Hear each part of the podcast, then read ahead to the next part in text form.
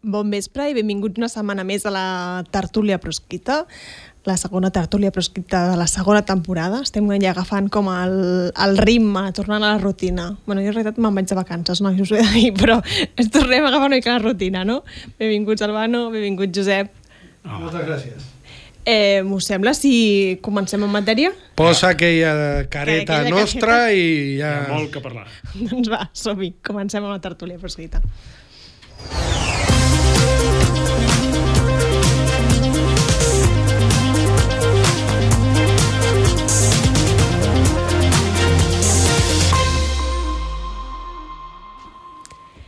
I deia marxo de vacances i és un dels motius que per avui estem gravant un dia que en principi no tocaria i serem sincers als espectadors perquè ho entenguin per problemes logístics. Gravem en dimecres en lloc de dijous i per tant ens podem trobar en una situació una mica estranya ja que nosaltres preveiem parlar de la diada tranquil·lament, analitzar la diada però eh, de cop demà eh, el Suprem decidirà si podria decidir si revoca o no els indults.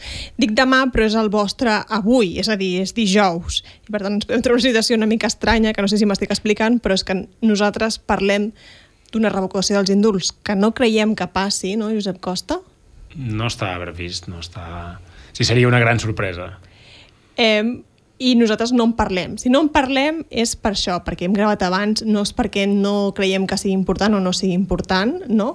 Si us sembla, perquè la gent entengui una mica el context d'aquests indults i de que en part creiem que no passarà res demà, demà el Suprem decidirà si revoca els indults de Jordi Sánchez i Jordi Cuixart no?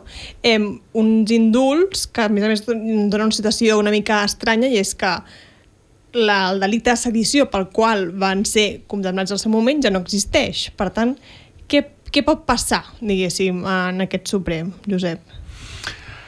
Bé, no, no, no ho sabem, però um, de moment uh, sí que sabem que les coses que passen o han de passar al Suprem se solen filtrar i per tant eh, tindríem algun xup-xup, tindríem alguna pista del que va passar. Normalment, en el, evidentment, passen sorpreses en el Tribunal Suprem, però el que no sol passar és que eh, hi hagi sorpreses que no s'hagin filtrat abans.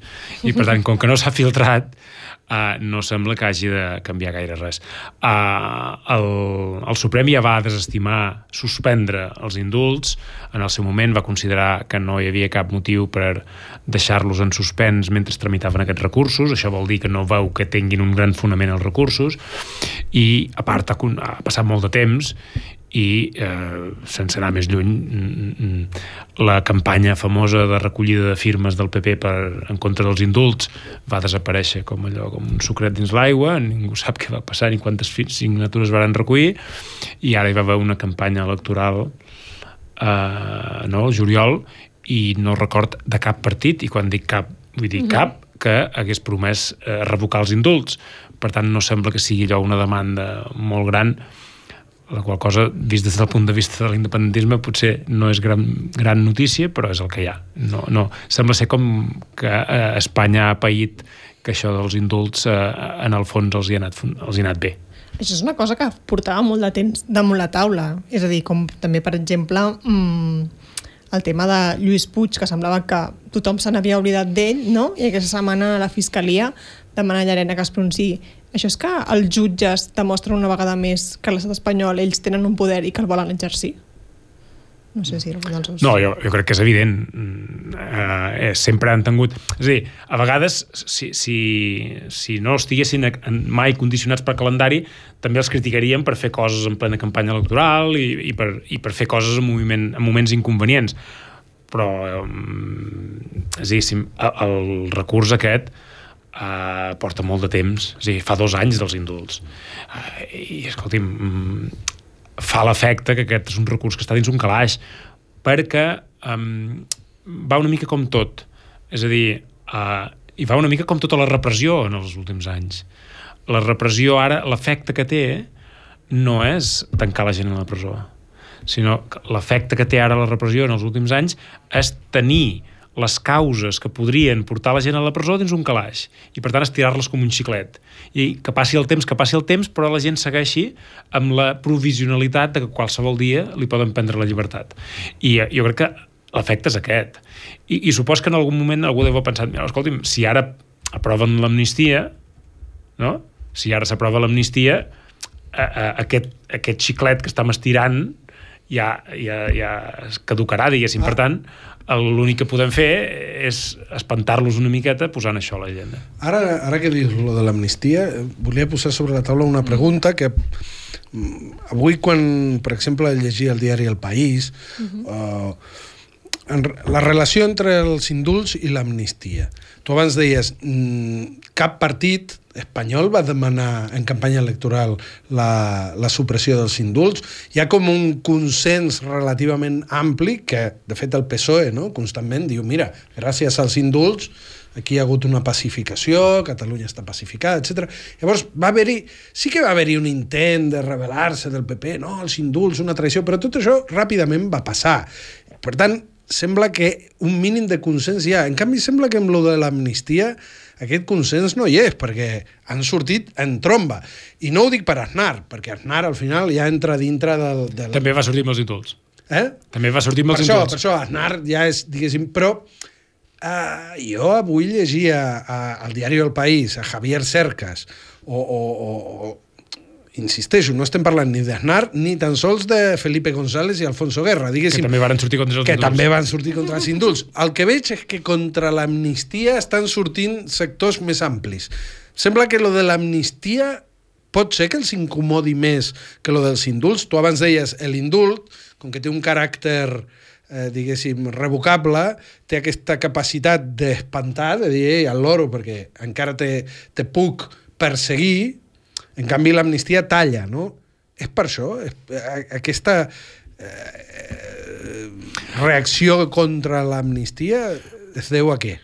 Jo crec que uh, és una reacció de no saber exactament per on anirà, però sí que és veritat que el...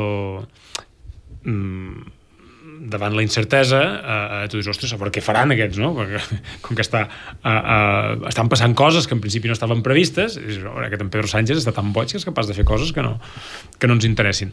Però jo, jo voldria matisar una mica, és a dir, eh, eh, jo de moment amb l'amnistia eh, no he vist res diferent de, del que va passar amb els indults. No.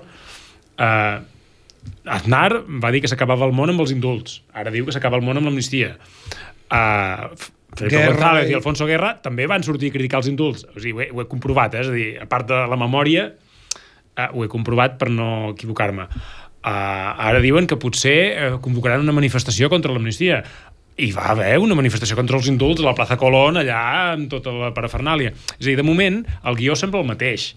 Que... Ah, sí, tu que, no sé, ve, sí. veia com...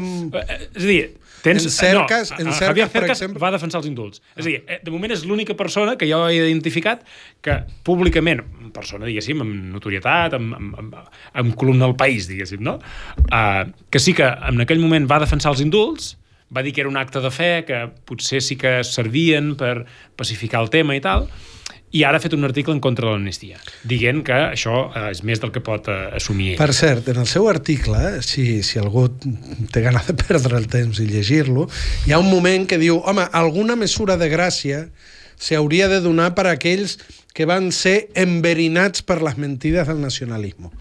Hi ha un discurs, crec que és del general Jagüe, quan entren a, a Barcelona, i dice, um, catalanes, aquellos que habéis sido envenenados eh, por la propaganda separatista, España es grande y puede perdonar. Eh, un tipo com Cercas, que, que, que, que es vanta de conèixer molt bé i d'analitzar molt bé eh, la guerra civil i la transició i tot això, no m'ha semblat... Eh, eh, anecdòtic, eh? que faci servir... Aquest... Hauria de conèixer aquesta frase del general Yahweh. Segur que la coneix. Segur que la coneix perquè és el que diu des de Ràdio Barcelona quan entren a Barcelona i diuen a los que, a los que se dejaron envenenar por la propaganda España sabrá perdonar. I avui Cercas comença el seu article dient l'amnistia no, és verdad que habrá que buscar una medida de gràcia para los que han sido envenenados con la propaganda. És molt bèstia. Li estàs dient eh? franquista en Javier Cercas? Home, no, s'ho està dient ell. no sé, potser s'ha equivocat, eh? Potser sóc jo que sóc massa suspicàs, que no ho sóc. Jo, jo, tant, volia, és bastant... jo volia uh, aprofundir en aquest argument, eh? És a dir, um, compte amb aquest uh, discurs de dir si uh, la caverna grinyola i crida, o brama, uh, és que és bo. Ah, no, no, moment, no, no. moment. No, no, això moment. és molt fàcil. Uh, això és molt fàcil, molt, molt simplista, això. Sí, sí. Amb els indults varen bramar i varen fotre el crit al cel. Uh, varen manifestar-se allà a Colón amb tota, allò, bueno, tota la, la pressió mediàtica de, de, la, de, la, no? el, tri, el, tri, el trifachito, tot això que deien, tal. I després, la realitat, jo crec que tots els independentistes hauríem de, no, no estem d'acord, però hauríem d'estar d'acord en que els indults han estat un mal negoci. És a dir, són una autoderrota, els indults. Mm. I sobretot són una autoderrota des del moment que els indultats segueixen dirigint els partits polítics independentistes. Uh, per tant, escolti'm, jo no vull uh, indults 2.0. I el PSOE l'únic que està disposat a fer són uns indults 2.0. No estan disposats a fer una amnistia de veritat, estan disposats a fer indults 2.0. Si no eh, volem que, que ens enredin una altra vegada, eh, la, totes les precaucions són poques amb això de l'amnistia. Tindrem temps de parlar de l'amnistia perquè crec que és una cosa que no resoldrem, diguéssim, les pròximes setmanes o em sorprendria que es resolgués les, les pròximes setmanes perquè tot, tota, tota sorpresa, podem tenir tot, tot tipus de sorpreses perquè eh, segurament ara estem parlant dels indults i ningú ens haguéssim cregut en el seu moment uns, unes setmanes abans de que s'aprovessin que podien arribar a haver-hi uns, uns De indults. Deixa'm eh, justament eh, afegir una cosa en això.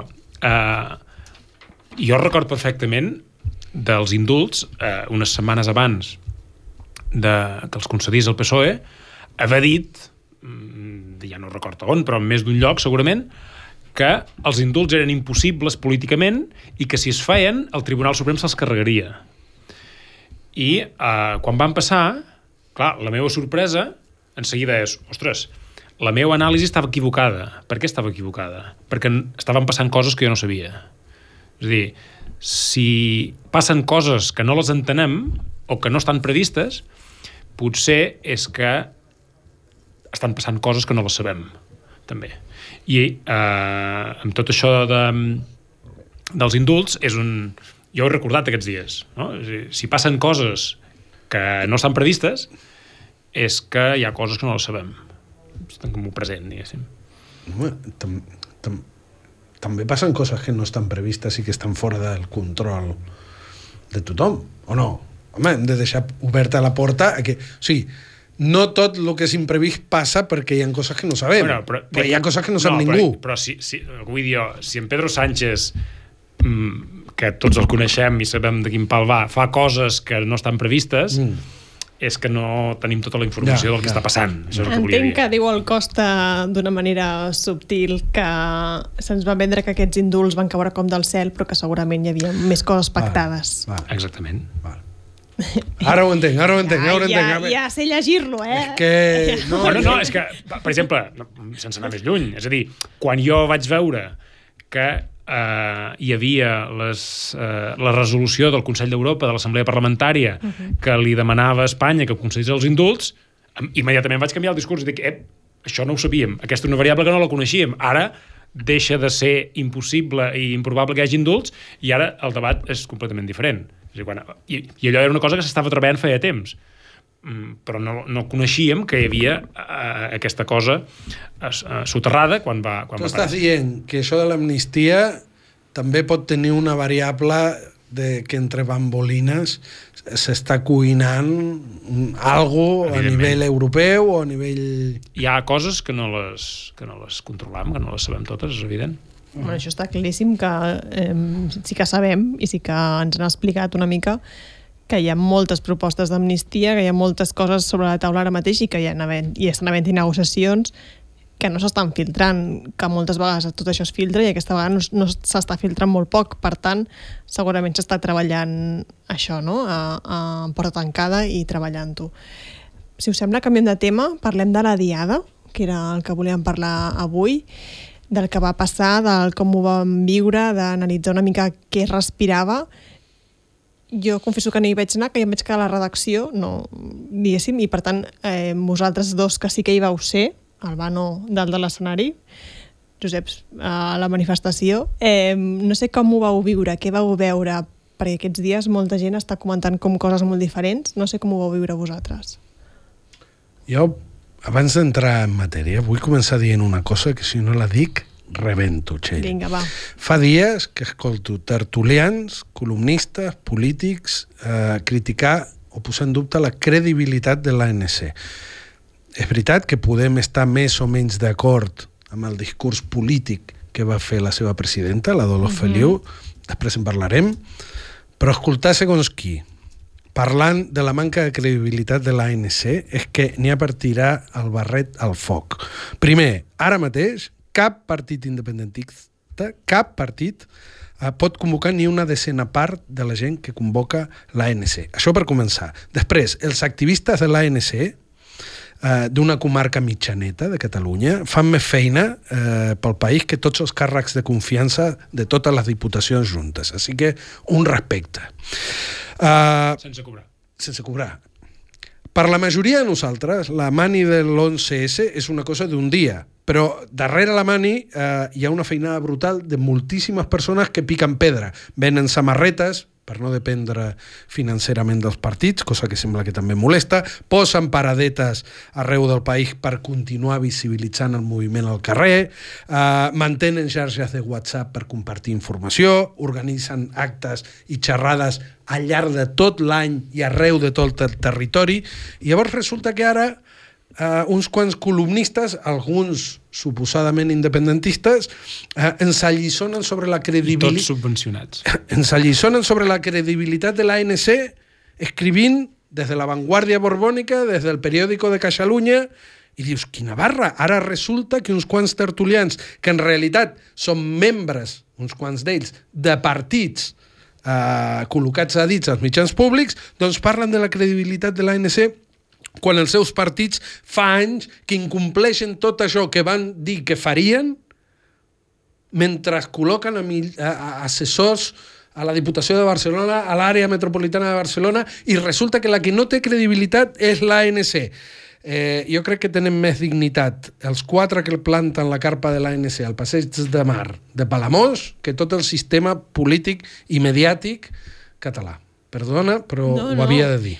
Puc afegir una cosa? I tant. És que tu has parlat del sistema mediàtic i la credibilitat de l'ANC. Eh, jo crec que eh, estaria bé recordar que el senyor que té el talonari del sistema mediàtic, és a dir, el senyor, el director general de mitjans, que és el que reparteix... Oriol Duran, no? Oriol, Oriol Duran, que reparteix ah, que... els diners de la publicitat del govern, per tant, és el senyor que compra els mitjans subvencionats. Eh, aquest senyor va insultar a la, presidenta de l'ANC, un parell de dies abans de la manifestació, eh, amb un tuit, amb una piulada eh, a la xarxa social. Eh, no només no ha dimitit, sinó que ni tan sols ha esborrat la piulada. I, eh, miraculosament, ha aconseguit que cap mitjà s'hagi fet ressò d'aquesta piulada, excepte VilaWeb, que, com tots sabem, i per això som aquí, eh, no viu de les subvencions del govern. Vull dir una cosa, i, i, i crec que aquest senyor, Oriol Duran, ha de ser famós, i, i si no ho és encara l'hem de fer més famós perquè és un senyor d'un partit que el posen a repartir, per una banda, subvencions i per una altra publicitat institucional. Jo us vull dir, vull dir que en un entorn com l'entorn català, en el qual la intervenció estatal, la intervenció governamental pot ajudar a, a equilibrar, no deixar en mans del mercat en, de manera absoluta tota la informació, una política de subvencions pot tenir un sentit. És a dir, jo... Ara, Cal recordar que aquest senyor Oriol Duran, posat pels partits, té sistemes de repartir diners als mitjans de comunicació que són sistemes total, eh, eh, que no són sistemes objectius, que són sistemes totalment oberts a la discrecionalitat. És a dir, et dono diners públics a tu, mitjans, eh, en funció de lo que a mi em sembla. Bueno, Ai, cal dir... recordar que s'està repartint la publicitat sense criteris objectius, però a més a més hi ha una part important de les subvencions que també es reparteix sense criteris objectius, que és les subvencions per projectes en el qual... Mira, te posaré un exemple. Aquella televisió 8TV, 8TV, que eh, tenia un programa Gabriel Rufián, que no tenia eh, res d'audiència ni tenia res aquell eh, canal de televisió que, per cert, s'ha anat ha fet fallida Bueno, o, o està en mi- concurs de creditors, Sí. doncs aquest canal on té un diputat del partit del govern tenia un programa, el partit de govern li va donar de manera eh, Ha dit. ha dit 500.000 euros de diner públic. És que és tan escandalós, és tan escandalós que a sobre es vegin amb la, amb, amb, amb la capacitat de criticar... Aviam, faltaria més que la ANC no fos una, una, un, un, una organització criticable com totes. Ara, si tu ets el tio que discrecionalment reparteixes la publicitat i les subvencions, tu has de dimitir. I encara no ha dimitit. Bueno, han perdut el nord, han perdut el nord, i perdó, eh, ja sé que no era el tema central, però és que és un escàndol, és un escàndol. Jo crec que sí que és una mica el tema central, eh, la, per mi. No, Bueno, no, no. bueno, per mi també. Ara, ara ho, Volia- ho explicaré. Um, deies la credibilitat de l'ANC, el govern... Eh, jo crec que la notícia de, la diada d'enguany, és dir, la notícia de la diada d'enguany no és que hi hagi anat molta gent, perquè sempre hi va molta gent, no? És dir, que la manifestació hagi estat professionalment organitzada durant setmanes, que no hagi fallat, diguéssim, res tècnicament en l'organització, que hagi funcionat com un rellotge, això no és notícia, perquè sempre funciona així. I la gent de l'ANC, ja pràcticament, eh, l'altre dia li deia al final de la, de la, de la, una persona del secretariat li deia eh, al final de la manifestació, dic, és que recordau de felicitar els voluntaris i felicitar tota la gent que treballa per l'ANC per la bona organització, perquè com que ja és tan habitual, us oblidareu de fer-ho. Ja. Però mm, això s'ha de recordar sempre. Però ja no és notícia, ja no és notícia que estigui ben organitzat, ja no és notícia que hi hagi molta gent, ja no és notícia que um, estigui ple d'estelades, que la gent estigui motivada, que... o que hi hagi gent jove, perquè un altre jove, any però- hi havia sí, gent jove. no, l'any passat també hi havia, però- sí, malgrat sí es però diu. construeix aquest relat de no, són quatre iaies i no sé què. que sigui Vull dir, transversal, que, que, és a dir, que la manifestació hagi estat un èxit, ja no és notícia perquè enguany ningú es va atrevir a generar aquesta eh, expectativa que hi havia l'any passat de que fracassaria. No? L'any passat, com que la volien fer fracassar, van intentar generar un, un relat de que fracassaria i, i, i això el que va fer va ser que l'èxit de la manifestació fos més notícia. Però enguany se n'han cuidat d'això. I, però crec que la notícia, o sigui, la novetat d'enguany, la notícia d'enguany, és que eh, el torcebràs, diguéssim, que va plantejar el govern a l'ANC i a la manifestació de la Diada l'any passat, l'han perdut. O sigui, què ha passat? La notícia és que en Pere Aragonès, que l'any passat va intentar no només dir que no anés la gent a la manifestació, sinó no, no hi va anar ell, i va intentar que ningú anés en aquesta manifestació, va perdre el torcebràs i enguany s'ha vist obligat a anar-hi. Per què? Perquè no podia no anar-hi sabent que hi aniria uh, més gent que l'any passat. I clar, això, aquest torcebràs que en Pere Aragonès va plantejar a l'ANC i, a la, i els activistes i a la gent del carrer, l'ha perdut. Ah, I tots perdut? aquests mitjans que depenen directament o en gran també, part També han perdut el torcebràs. han perdut el torcebràs. El que no han perdut és els diners que reparteix el govern des de o eh, sota la responsabilitat d'aquest senyor. Per tant, l'any passat va ser eh, carrer 1, govern 0, enguany és carrer 2, govern 0.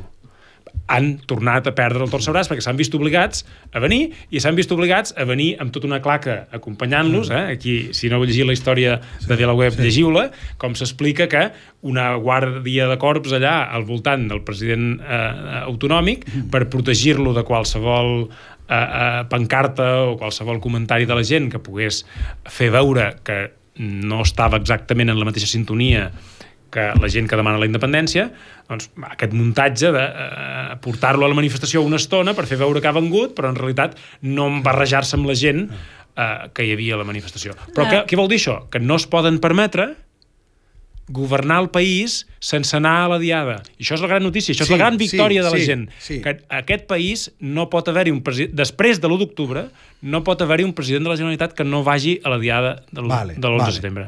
L'any passat van intentar fer el torcebràs, nosaltres perdre. no anem, i varen perdre. Avui, eh, eh, aquest any, han canviat una mica l'estratègia. Anem, vull dir, Junqueras no va poder anar per, perquè diu que, que havia agafat la Covid i per tant no va poder anar. Uh. Gabriel Rufián no ha aparegut. Uh, van anar ells, re, uns metres i van marxar. Per què? Perquè van veure que el de l'any passat van perdre. Jo crec que Ara... I han perdut en un altre sentit, perdona que t'interrompi, han perdut en un altre sentit, que és que s'ha demostrat que tant si venen ells com si no venen, són irrellevants, perquè hi ha la mateixa gent, quan venen que quan no. De totes maneres, ells han après, han fet això, eh, sí, és veritat que s'han convertit en irrellevants, però diuen, escolta'm, anem, anem 400 metres, 10 minuts, després sortim, perquè van veure que no anar i plantejar un torç a braç era perdre, de totes maneres, aquesta guàrdia de corps no només estava en la, en la manifestació, aquesta guàrdia de corps està també feta de columnes, de tertúlies, de titulars, de portades, i fixa't que ha tingut més ressò la Aragonès respon a Dolors Feliu que efectivament el que va dir Dolors Feliu. És a dir, el telenotícia diu Aragonès respon a, a, si tu el, diumenge, el dilluns no vas anar a la mani o no estaves en directe mirant això, tu tampoc saps ben bé què he dit. Jo, a mi hi ha una cosa que em preocupa moltíssim. Ara parlarem de lo que segurament parlarem del que ha dit la Dolors Feliu, però jo insisteixo, independentment de lo que hagi dit la Dolors Feliu, hi ha coses que ha dit que jo no acabo de veure clares, però independentment d'això, em fa l'efecte que s'estan agafant alguna cosa que hagi pogut dir la presidenta de l'organització per carregar contra tota l'organització. Per què? Avui pensava, deu ser l'única cosa que encara no han aconseguit controlar del tot. És una de les poques coses, junt, junt amb, amb gent del moviment antirepressió i tal, però coses hereves no? d'aquests anys de grans mobilitzacions i tal, és la única que no han pogut fer.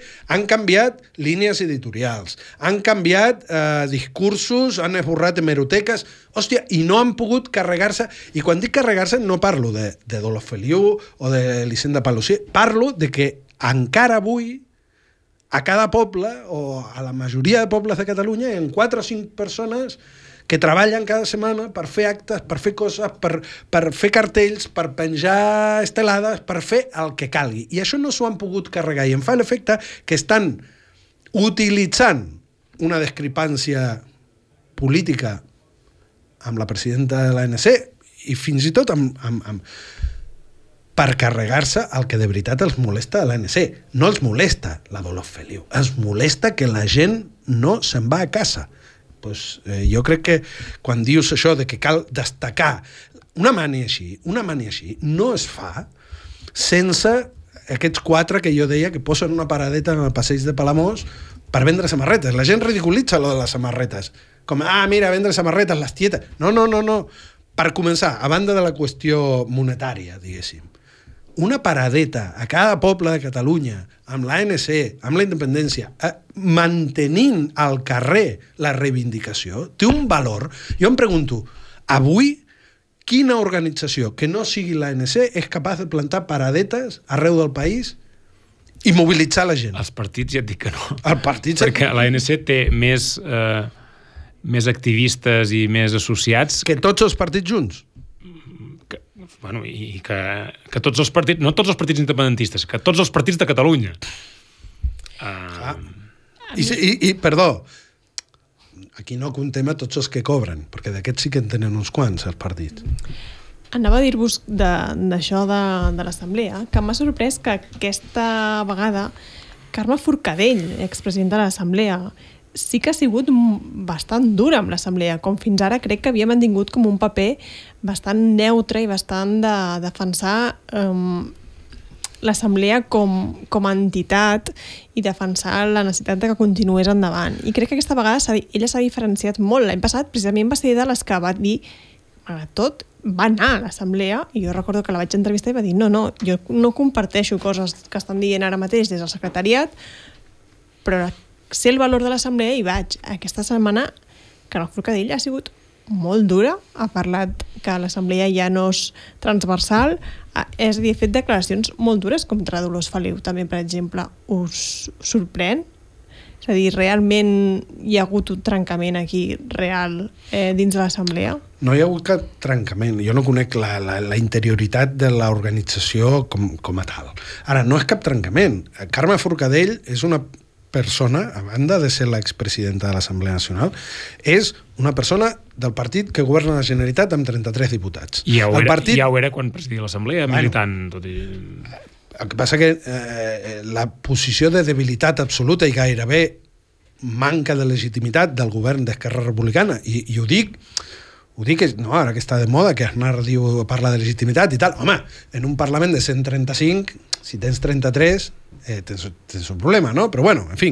Que... No, la diferència és que eh, Carme Forcadell... Eh... Carme Forcadell és membre d'un partit que necessita imperiosament carregar-se l'Assemblea Nacional de Catalunya. I quan dic l'Assemblea no parlo de la seva presidenta, sinó de l'estructura que li dona suport. Per tant, eh, ho ha de dir, ho ha de dir. I perdó, eh? Uh -huh. Jo llegia avui asturat un tuit d'un diputat d'Esquerra Republicana al Congrés espanyol queixant-se dels retrets que rep el seu partit.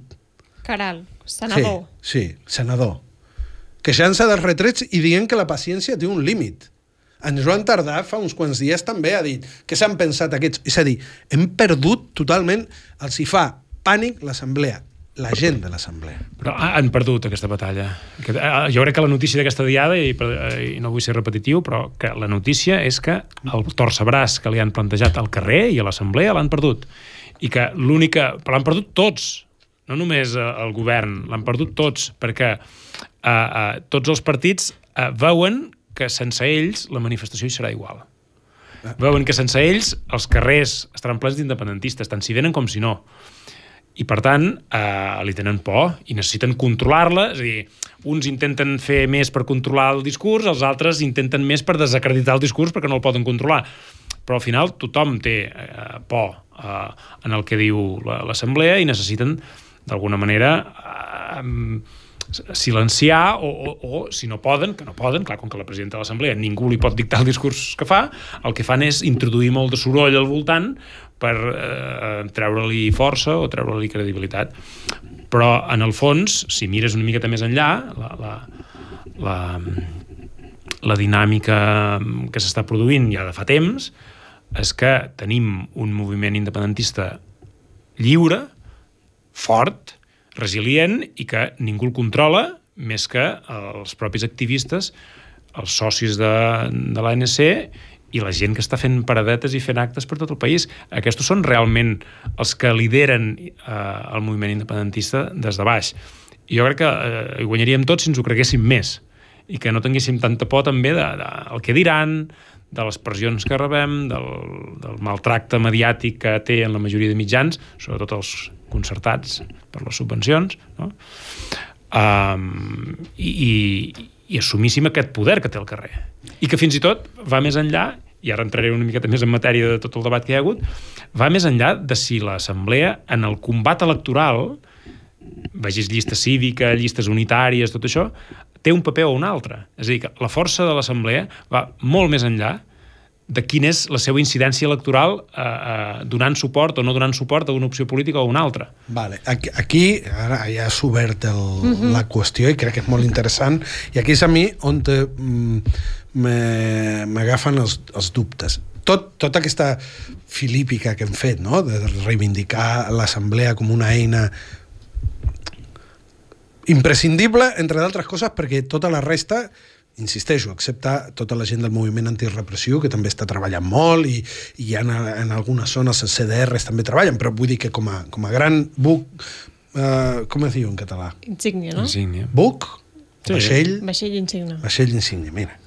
Uh, doncs, uh, em sembla que la, o sigui, els dubtes que em planteja aquesta idea de la llista cívica o no cívica, que és el que o sigui, per una banda, m'agrada que se'ls disputi als partits polítics la l'exclusivitat, no? Saps? Sembla, sembla que només es poden presentar a les eleccions Esquerra Republicana, la CUP i Junts. Escolta'm, eh, la gràcia de tot plegat és quan els partits, mm, el sistema democràtic també té a veure en que puguin entrar altres actors quan els actors que existeixen no responen a una part de les demandes d'una part de la població. Per tant, això, que sembla que molesta tant els partits constituïts de l'independentisme, crec que ja només pel fet de posar-los nerviosos ja val. Ara bé, jo no sé si fer entrar a l'assemblea dintre d'aquest d'aquest àmbit de disputa fa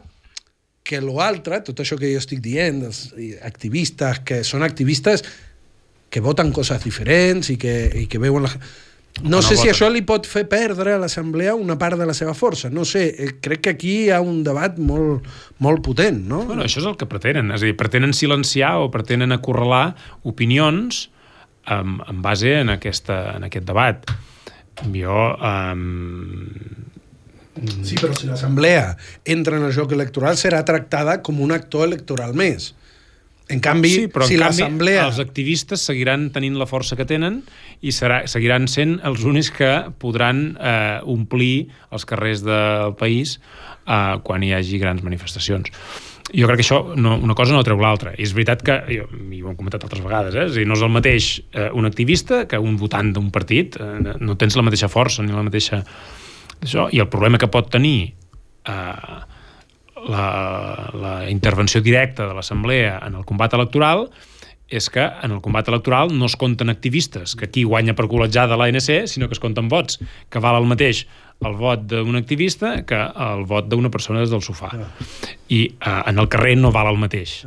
I uh, aquesta asimetria és el que no li perdonen. I, i, i el que voldrien moltes vegades és encasellar uh, l'activisme justament en, una, en, en unes sigles perquè la gent no se'ls escolti, perquè la gent no els segueixi o perquè la gent no vagi a les seves manifestacions. Jo ara, darrerament, això sempre, eh, però és a, dir, a, les xarxes socials és l'esport número 1, el, quan algú no té arguments per contradir o per eh, qüestionar el que tu estàs argumentant, et diu, és que tu ets d'aquell partit, o tu ets eh, d'aquell eh, líder, o eh, vols eh, presentar-te a les eleccions amb un altre partit que no és el meu.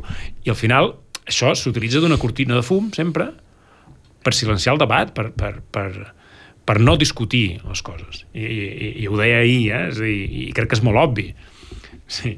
Eh, El president de l'ANC va dir si no us veieu en cor o no voleu fer la independència, convocau eleccions. I alguns responen oh, ja, la llista cívica, és que voleu eleccions però, mm, que es presenti la llista cívica. Perdó? Ha dit si no us veieu en cor o no voleu fer la independència. Per tant, això ho donem per boia. Estem tots d'acord en que no voleu ni us atreviu a fer res per la independència. I, per tant, hem de discutir de la llista cívica. És molt clarificador. És a dir, Sí, que és lo, a dir, no- lo interessant seria no haver de parlar de la llista cívica. Ah, Clar, perquè és una disjuntiva. Ha dit, o independència o eleccions. Ah, ja ha demanat eleccions. Perdó, no. Ha dit o independència o eleccions.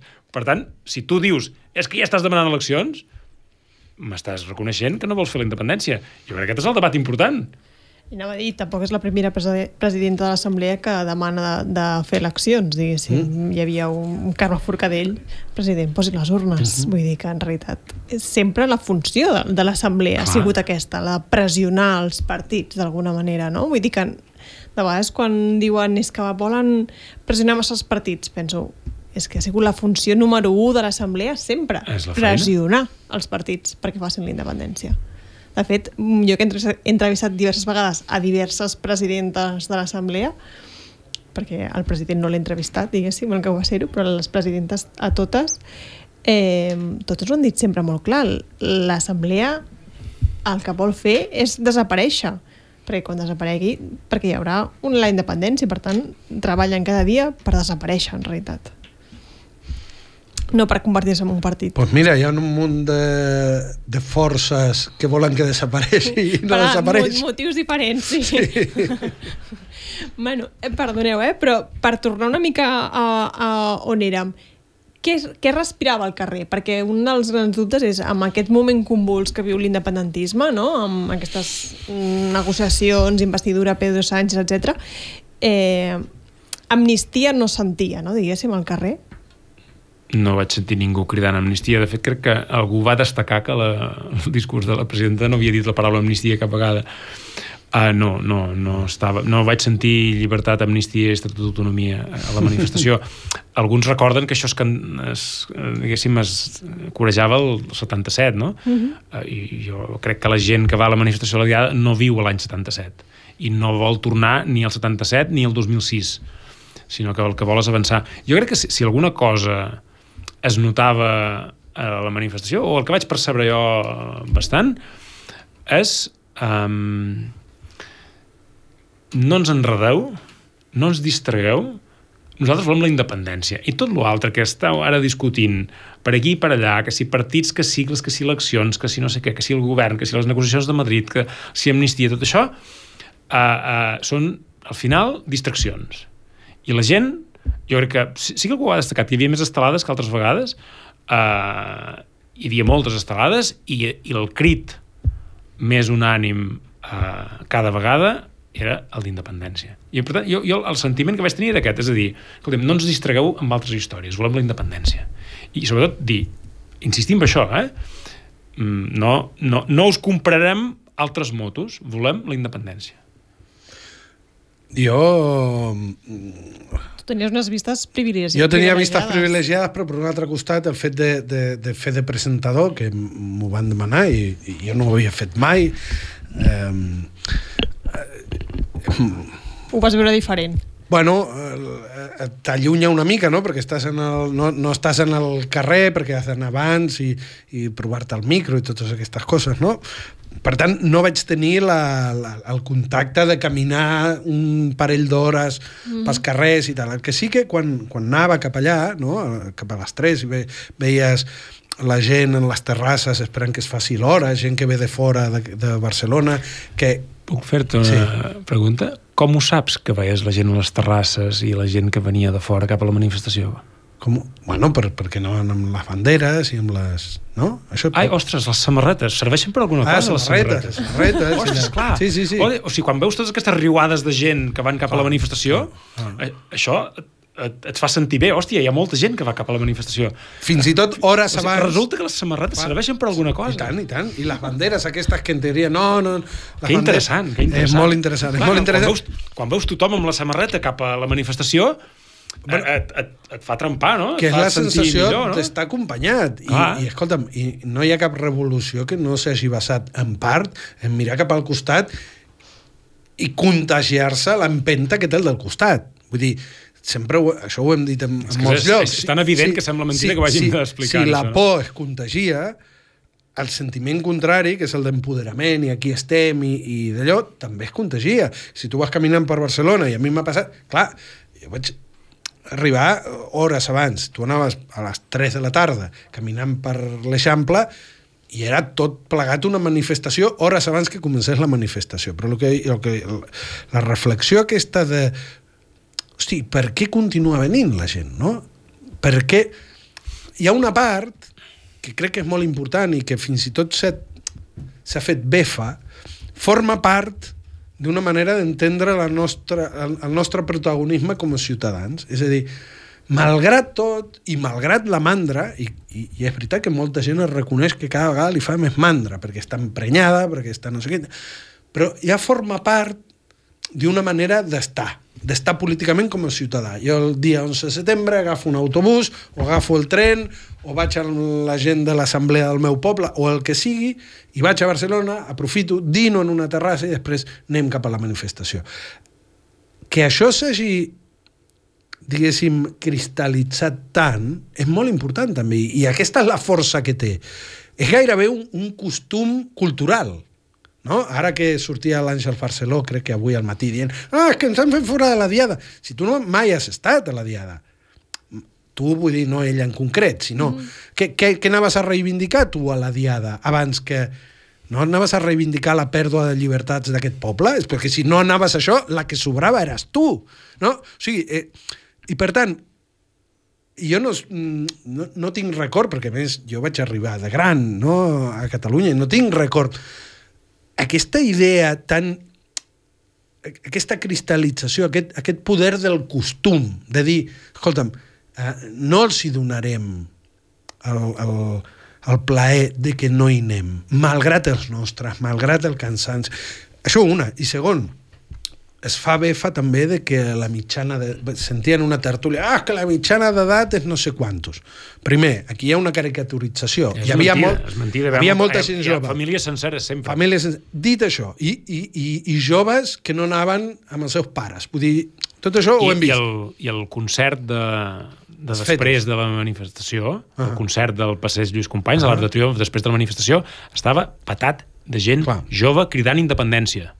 Vale per tant, aquí hi ha una caracterització, però després, quants moviments polítics...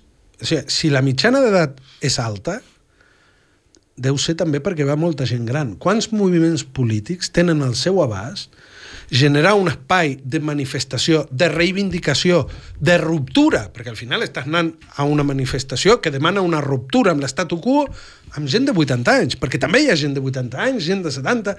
Jo crec que... O sigui, hem de prendre consciència sense romantitzar en excés. Jo eh, convido a llegir... En, uh, Lot Bow va fer una crítica de la, de la seva experiència, que ell sí que va estar a peu de carrer, i és molt interessant, no? Aquestes petites més enllà de l'èpica, però a la vegada aquesta, aquesta lupa petita en... Bueno, pues estem aquí, estem aquí fins i tot malgrat no saber ben bé de vegades eh, si, si cal o no, però al final cal.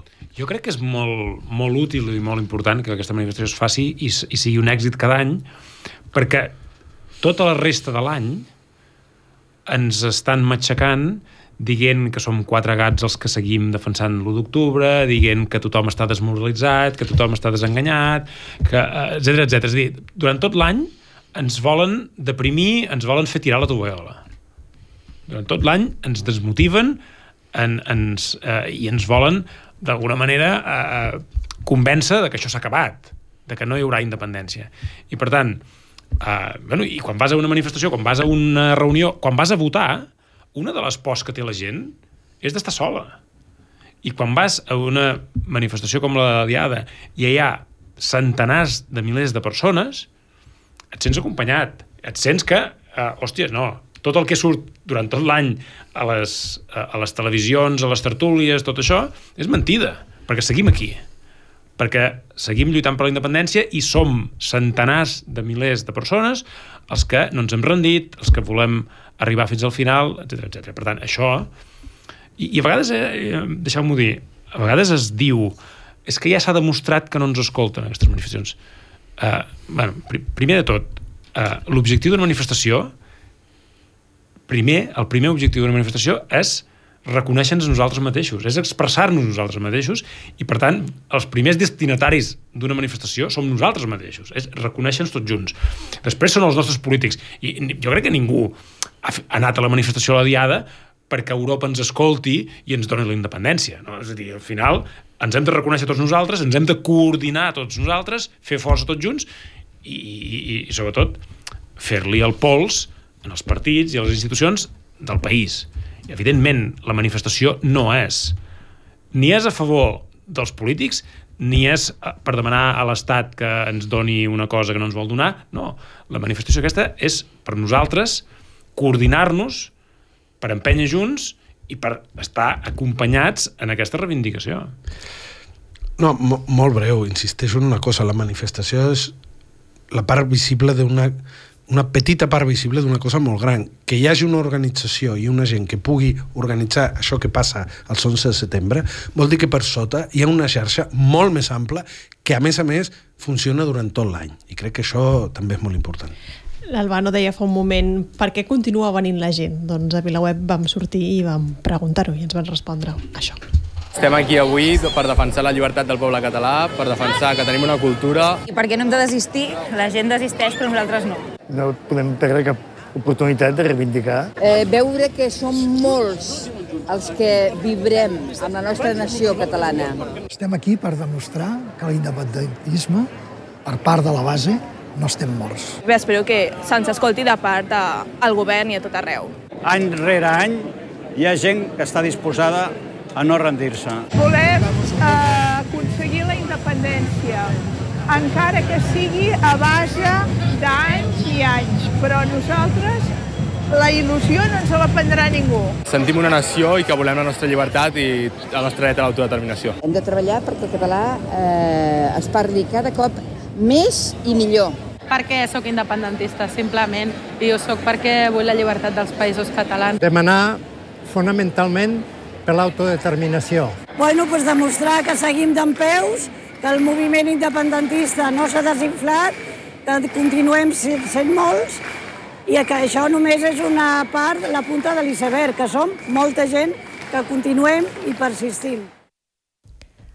aquells que només ho heu sentit, eh, potser no ho heu sentit del tot, del tot bé en alguns moments, però dir-vos que era gent molt diversa, d'anys molt diferents, i gent molt diferent. Era, era una demostració De la transversalitat. de transversalitat d'aquella manifestació.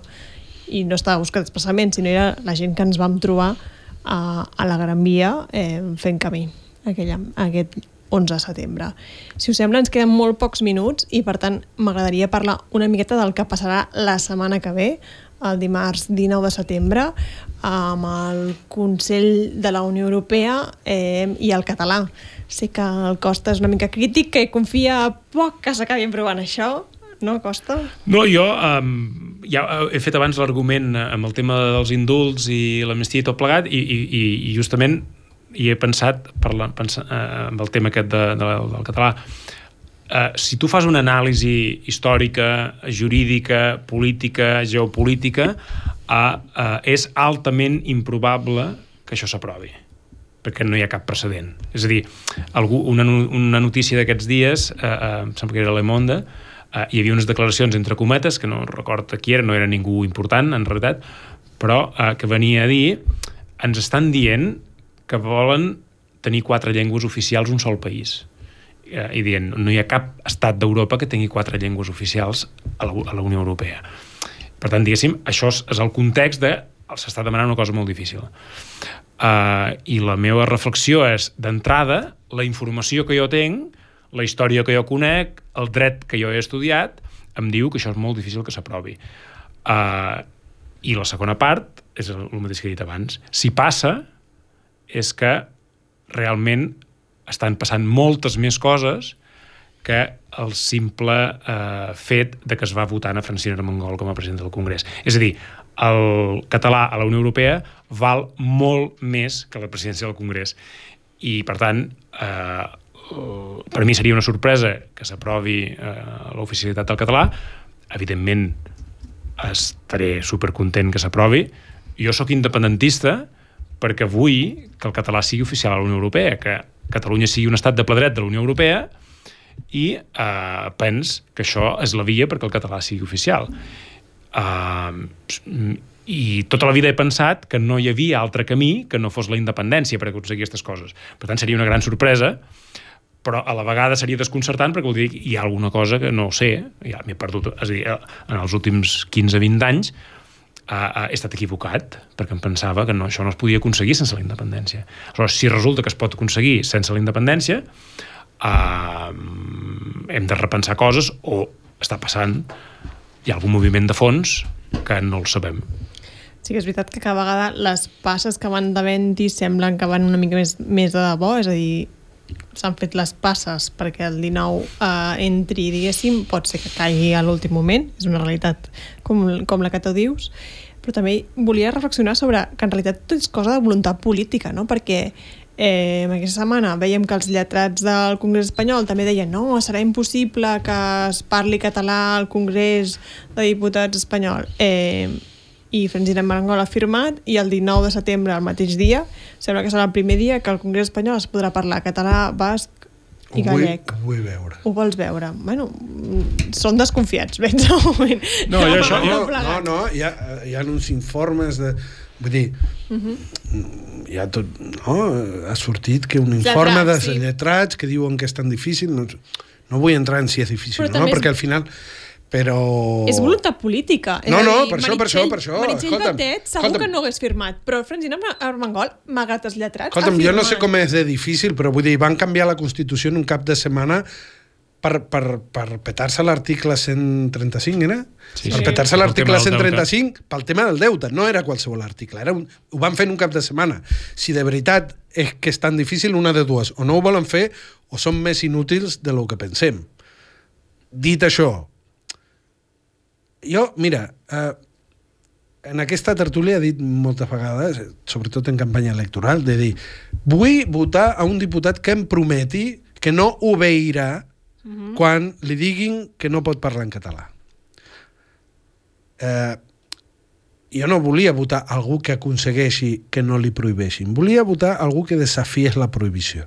Dit això, he anat parlant amb gent i dius, home, pot tenir un cert interès que es parli eh, català i les altres llengües oficials de l'Estat al Congrés, pot tenir un interès de reconeixement, pot tenir... Crec que és bo.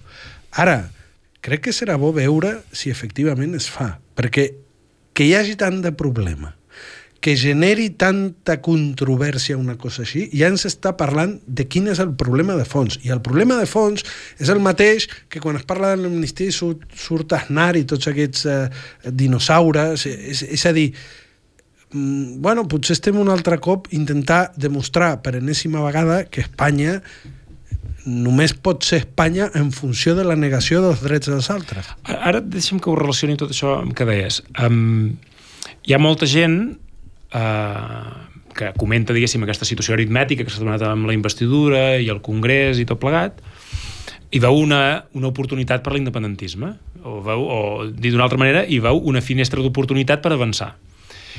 I eh, jo voldria fer una eh, reflexió que jo crec que ens falta en tot aquest moment, que no, no veig ningú que l'estigui fent. Uh, jo crec que hi ha una finestra d'oportunitat per reformar Espanya no hi ha una finestra d'oportunitat per fer la independència o per avançar cap a la independència, però sí que hi ha una finestra d'oportunitat per reformar Espanya. Hi ha una finestra d'oportunitat per recuperar l'Estatut del 2006, perquè ens tornin l'Estatut que ens varen robar eh, i, eh, diguéssim, d'alguna manera es pugui reconduir el mal causat per la sentència de l'Estatut de, de 2010. No? És, hi ha una finestra d'oportunitat perquè un senyor que es diu Zapatero pugui d'alguna manera fer-se perdonar els seus pecats i pugui eh, tornar-nos l'Estatut que va dir que apoyaria, no?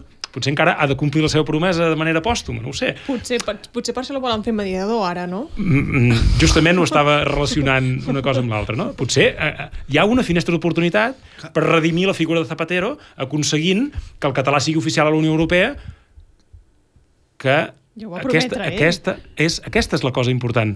És dir, nosaltres no els devem res a canvi del català oficial no, a la Unió Europea, ah, ah. perquè el preu ja el varen pagar el 2005. I, per tant, el català a la Unió Europea, gràcies, estic a favor, i hem lluitat tota la vida perquè sigui oficial, però no gratis, no, ens el deveu des del 2005, perquè el preu d'això que estan fent ara el varen pagar el 2005 i tots els deutes. Per tant, des d'un punt de vista polític, ens hem de fer aquesta reflexió. Hem de pagar nosaltres una altra vegada perquè ens paguin el que ens deuen ells eh, des de fa 15 anys? És a dir, ara nosaltres hem de pagar un preu polític perquè ens tornin l'Estatut que ens varen robar? Perquè compleixin la promesa del 2005 sobre el català a Europa? Per tot això hem de pagar un preu polític? Uh, i, i, i la reflexió, ara vaig una mica més enllà i crec que no ens queda temps ja per tractar-ho, però, però aquesta pregunta ens l'hem de fer. Uh, en aquest país hi ha gent disposada a renunciar a la independència a canvi de que ens tornin l'Estatut que ens varen robar? Xang! Mm, queda pendent aquesta resposta. Tothom a casa seva, sisplau, que responguin. Eh, I nosaltres tornem la setmana que ve aquest cas jo no tornaré, us deixarem, però us deixarem bones mans, no patiu. I, i ja pot dir, ja, eh? aquí o...? Sí, ho podem dir. Ot Pou presentarà oh. la tertúlia però escrit una setmana i, i què us anava a dir? Sabrem realment si, si hi ha català o no hi ha català al Congrés Espanyol i al Consell de la Unió Europea. Vull dir que ens falta poc per saber qui de tots plegats té raó. Molt bé. Així que fins la setmana que ve. Fins la setmana que ve. La setmana que ve.